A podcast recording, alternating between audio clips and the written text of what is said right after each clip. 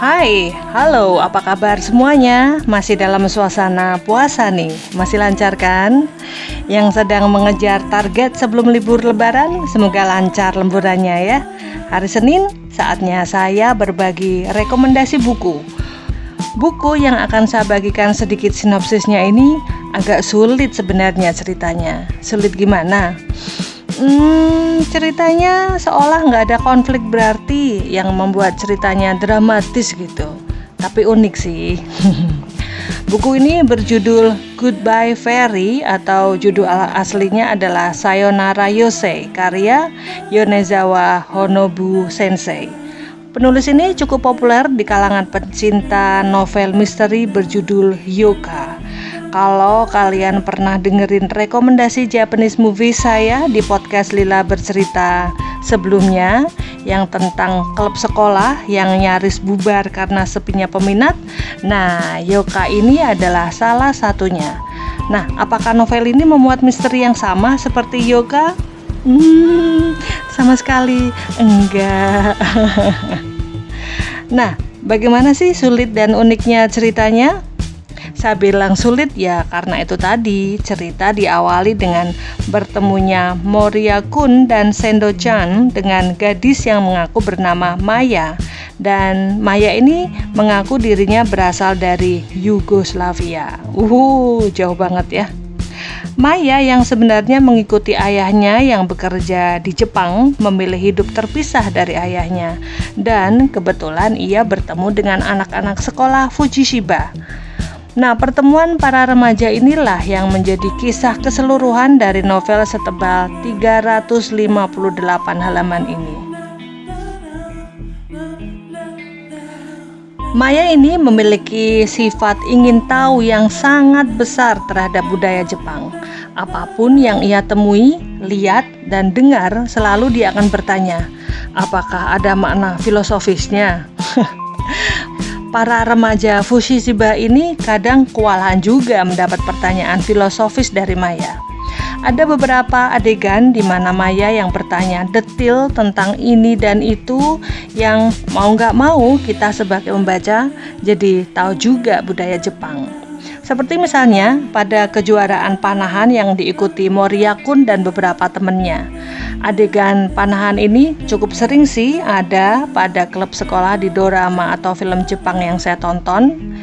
Keterangan seputar panahan ini cukup detail dari mulai bajunya, cara menghormat yang dilakukan pemain pertama, kemudian disusul pemain kedua, kemudian juga cara melangkah di dalam kyudojo atau lapangan panahannya, hingga cara memegang busur dan melepaskan anak panah. Semua ini dibahas dan tentu saja karena beberapa memang ditanyakan oleh Maya.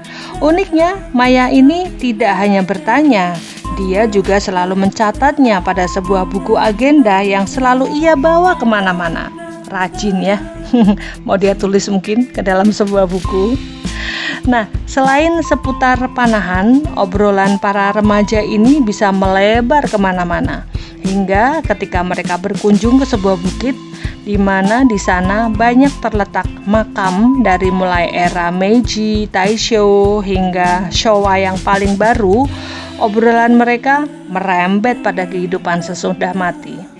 Ada yang percaya pada reinkarnasi, tapi ada juga yang percaya bahwa setelah manusia mati, masuk surga dan dia akan menikmati kebahagiaan. Dan tentu saja ini sedikit bertentangan dengan teori reinkarnasi tadi. Ya, namanya juga obrolan para remaja, ngalor ngidul gitu ya.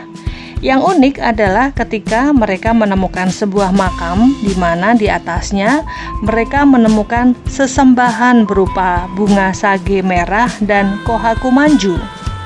Dari diskusi panjang mereka diketahui bahwa kohaku manju ini adalah sejenis kue seperti kue mochi yang diletakkan di makam sebagai rasa syukur.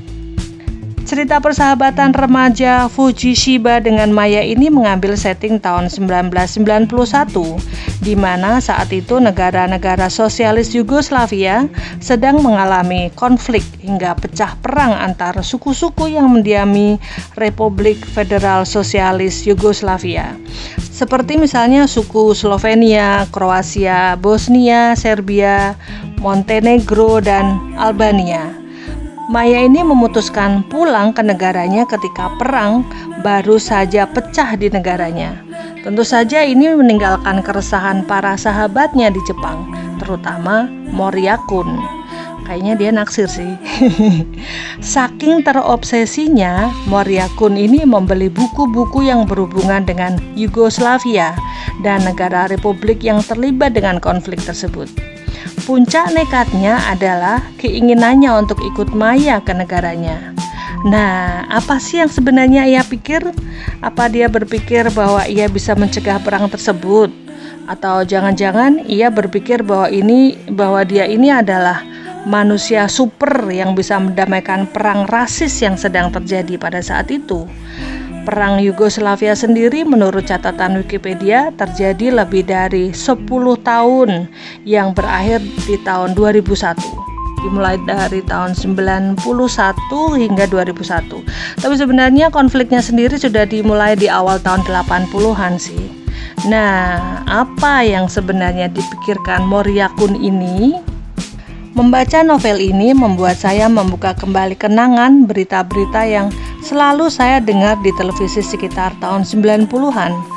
Nama-nama negara seperti Yugoslavia, Bosnia Herzegovina, kemudian Kroasia, Bosnia, dan Serbia begitu akrab di telinga tanpa saya menyadari parahnya perang yang sedang terjadi hingga saya membaca novel ini. Tak heran di bagian belakang sinopsis novelnya terselip satu kalimat. Ini adalah secuil kisah di balik pecahnya Yugoslavia pada tahun 1992. Cerita ini bisa jadi adalah kisah fiksi, tapi tetap saja interaksi yang terjadi antara Maya dan para remaja Fujishiba ini terasa manis banget, tapi sekaligus getir. Gimana endingnya? Khas cerita Jepang gitulah. Siap-siap patah hati ya. Entah mengapa saya pengen novel ini satu hari nanti dijadikan sebuah live action movie seperti Hyoka lengkap dengan suasana Jepang tahun 90-an dan tentu saja sedikit sejarah seputar pecahnya perang Yugoslavia. Tapi entahlah apakah ada produser yang bakal tertarik melayar lebarkan novel ini. Saya pikir kisah novel ini lebih menarik sih dibandingkan Hyoka yang terdiri dari 5 atau 6 novel itu. Novel stand alone begini lebih bisa detail dalam menjadikannya sebuah live action movie. Menurut saya sih. Well, itu tadi satu rekomendasi literatur Jepang berjudul Goodbye Fairy, tulisan uh, Yonezawa Honobu Sensei.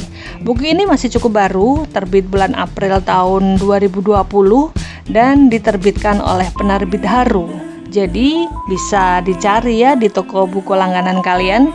Terbit pertama kali sih dengan bahasa aslinya tahun 2004. Sudah cukup lama juga ya. Well, terima kasih sudah mendengarkan. Tetap sehat dan bahagia ya. See you when I see you.